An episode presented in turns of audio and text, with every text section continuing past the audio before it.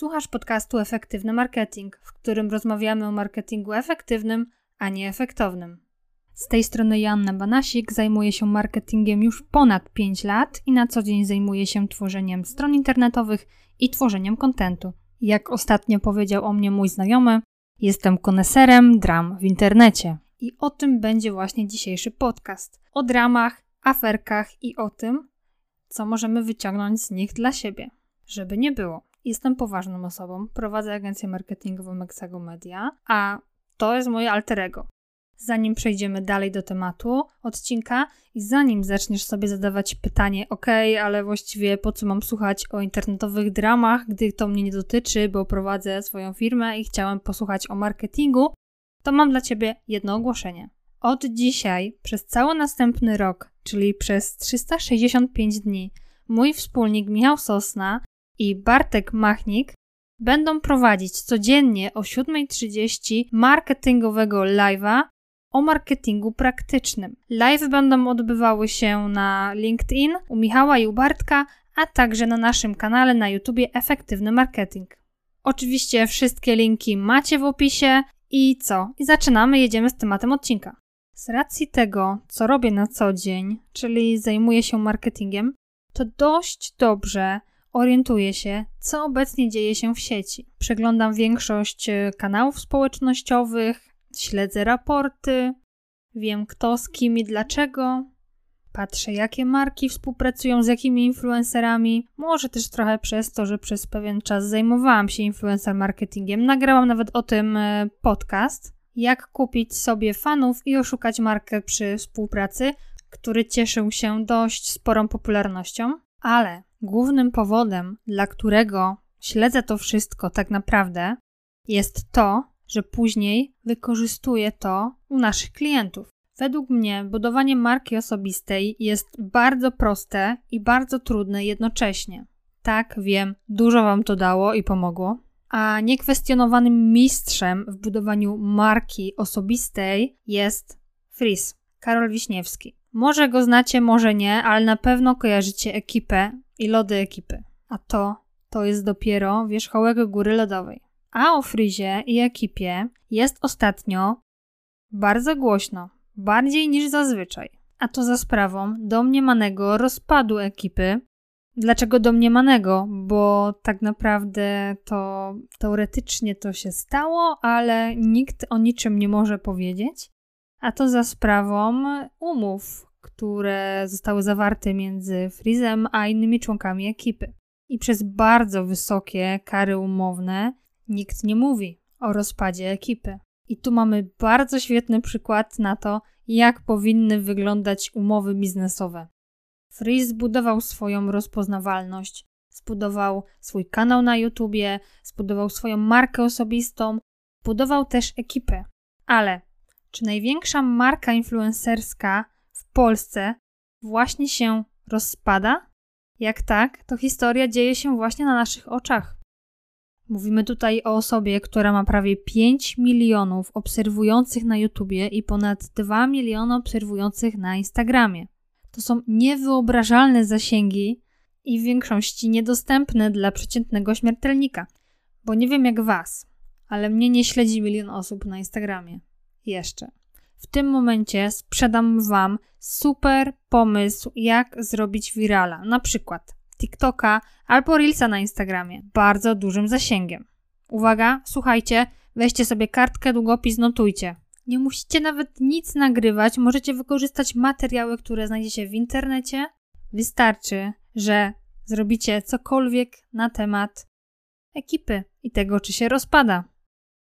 Według mnie to jeszcze nie jest trend, ale możemy to zaliczyć pod RTM, czyli Real Time Marketing, czyli po polsku mm, marketing czasu rzeczywistego, o którym swoją drogą też nagraliśmy kilka odcinków y, z Robertem. Wstawię Wam linki w opisie. Wracając do Freeza. Oprócz Freeza w ekipie jest jeszcze około 10 osób, które zostały przez niego wypromowane i obecnie są topowymi polskimi influencerami. I teraz mam do Was pytanie. Dlaczego ekipa się rozpadła? Według mnie na 99,9% Jak nie wiadomo o co chodzi, to chodzi o pieniądze. A pieniądze są tutaj bardzo duże. Jakiś czas temu, kiedy ekipa wypuszczała swoje lody, w podobnym czasie weszła też na giełdę. I wtedy ich znak towarowy wyceniany był na 240 milionów złotych. Obecnie kwota ta spadła do 140 milionów złotych. A to wszystko przez domniemany, prawdziwy czy nie, rozpad ekipy i oplotki, które się wokół tego tworzą. A pamiętam jak dziś, gdy papierki po lodach ekipy ludzie sprzedawali na Allegro po 200 zł, a te lody były po prostu niedostępne, nigdzie się nie dało ich kupić, a gdy robili dropa do Lidla, to mieliśmy większą bitwę niż o torebki Witchena. Według mnie przebiła to tylko bitwa o Empik. Jeśli nie wiecie o co chodzi, to wygooglajcie to sobie. A wracając do spadku wartości akcji ekipy, według moich obserwacji ekipa nie upadnie. Ma teraz problemy i tą całą dramę wokół siebie, ale wiecie dlaczego nie upadnie? Bo jest stworzona na silnej marce osobistej, jaką jest Freeze. Sami wiecie, biznesy czasem wypalają, nie wypalają, biznes można otworzyć, można zamknąć, ale jednej rzeczy wam nie zabiorą waszej marki osobistej. To, czy was lubią, czy was nie lubią, czy macie jakąś dramę, czy nie, tym momencie to nie ma znaczenia. Ludzie zapominają i internet to bardzo dobrze pokazał. Może to mało PR-owe, to co teraz powiem, ale jest jeden uniwersalny sposób na to, jak odbudować swój wizerunek w kilka miesięcy po tym, jak coś, mówiąc kolokwialnie, odwalicie. Najpierw będzie o was głośno, ludzie będą się burzyć, mm, będą oczekiwać wyjaśnień. I teraz macie dwie opcje. Albo dajecie wyjaśnienia, albo siedzicie cicho i zamiatacie wszystko pod dywan. Gdy wybierzecie opcję numer jeden, nie zapomnijcie przeprosić wszystkich, którzy czują się urażeni.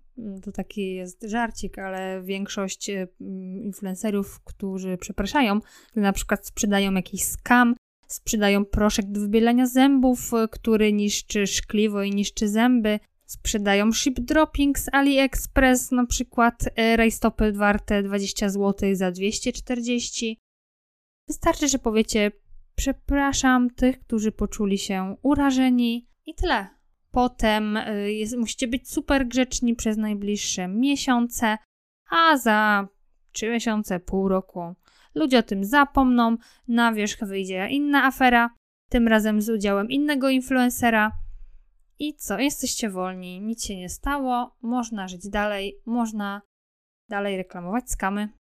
Pytacie mnie często w listach, okay, Asia, to czego właściwie możemy nauczyć się od Friza, ja wyciągnęłam z tego cztery rzeczy dla siebie i dla swoich klientów i wykorzystuję je, gdy klienci chcą z nami budować swoje marki osobiste lub chcą coś sprzedać.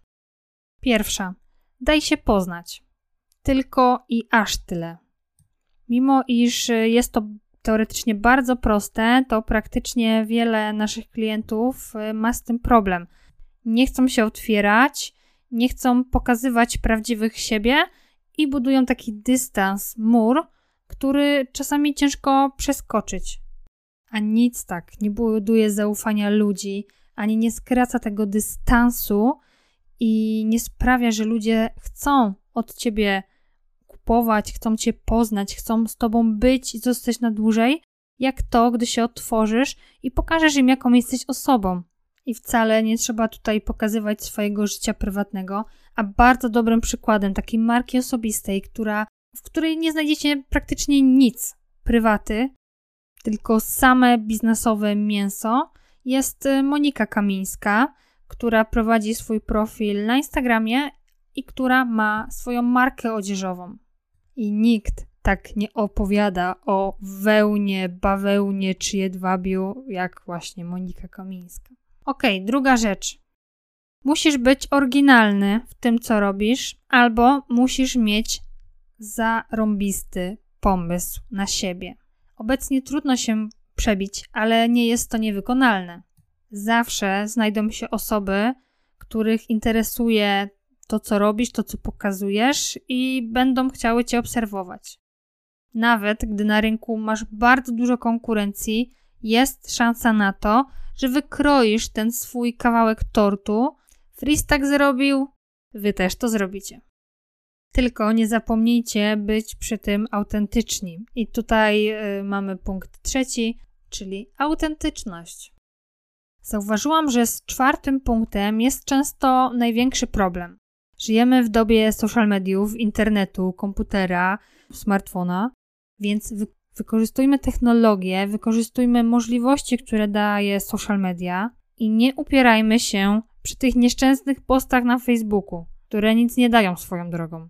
Idźmy w stronę trendów, a obecnie na przykład na Instagramie trendują rolki, czyli krótkie, dynamiczne, ciekawe, wciągające wideo. Choć swoją drogą wcale takie nie musi być, bo możemy nagrywać rzeczy, które są zgodne z nami. Nie musicie tańczyć ani śpiewać, e, robić playbacku w rytm piosenek, to co często widać na e, TikToku. Mogą, a nawet muszą to być rzeczy zgodne z wami, ale proszę was, nie upierajcie się na jednej formie przekazu, czyli na tych postach najczęściej, które obecnie lata świetlności mają dawno za sobą. Teraz królują trochę inne formy, czyli głównie krótkie wideo. Jeżeli na co dzień prowadzicie konta na social mediach, oczywiście, bo jeżeli chcecie nagrywać na YouTubie, no to powiem Wam, że tam też są shorty, czyli krótkie wideo. Ale to jest trochę inna platforma, to może o tym powiem innym razem. Jak myślicie, czy gdyby Freeze pisał posty na Facebooku to byłby obecnie w tym miejscu, w którym jest, czy jego spółka wyceniana by była na grube miliony złotych, gdyby robił tylko karuzelę na Insta? Nie. Wykorzystał platformę społecznościową z potencjałem do budowania marki, do budowania kanału, do zarabiania. Jedną z nowszych platform społecznościowych, która podbiła serca ludzi na całym świecie jest TikTok. Jak myślicie, czy Freeze jest na TikToku? Czy inni członkowie ekipy są na TikToku? Oni są tam, gdzie coś się dzieje, gdzie można zdobyć nowych odbiorców, gdzie można zbudować swoje zasięgi. Mówię to teraz do wszystkich, którzy chcą budować swoje marki osobiste, które chcą zacząć tworzyć w mediach społecznościowych. I też mówię to do moich obecnych i przyszłych klientów, którzy tego słuchają. Nie bójcie się nowości, spróbujcie, gdy Wam się nie spodoba, nie musicie tego kontynuować, ale wykorzystacie swoją szansę, a przynajmniej spróbujecie. Ok, wracamy do pytania odcinka. Czy ekipa się rozpadnie i czy przetrwa tę zawieruchę? Według mnie nie, bo na miejsce starych ekipowiczów, starej gwardii, Freeze ma już wypromowanych innych nowych influencerów, na przykład y, tych z jego projektu Gen Z, który swoją drogą wykręca bardzo przyzwoite liczby na YouTubie. I to by było na tyle, jeśli chodzi o jedną z obecnie największych dram w polskim internecie. Oczywiście sytuacja jest dynamiczna, cały czas się rozwija i cały czas i ja, i inni, i może wy też, czekamy na dalszy rozwój wydarzeń. Mam nadzieję, że ta nowa, krótsza forma naszych podcastów się Wam podobała. Co czwartek dostaniecie od nas nowy marketingowy podcast, a oprócz tego na naszym kanale pojawiać się będą rozmowy z ciekawymi przedsiębiorcami, którzy będą opowiadać o marketingu w swoich firmach. Zapraszam też Was na codzienne marketingowe live'y o 7.30 na LinkedIn i na naszym kanale na YouTubie. Do usłyszenia. Cześć.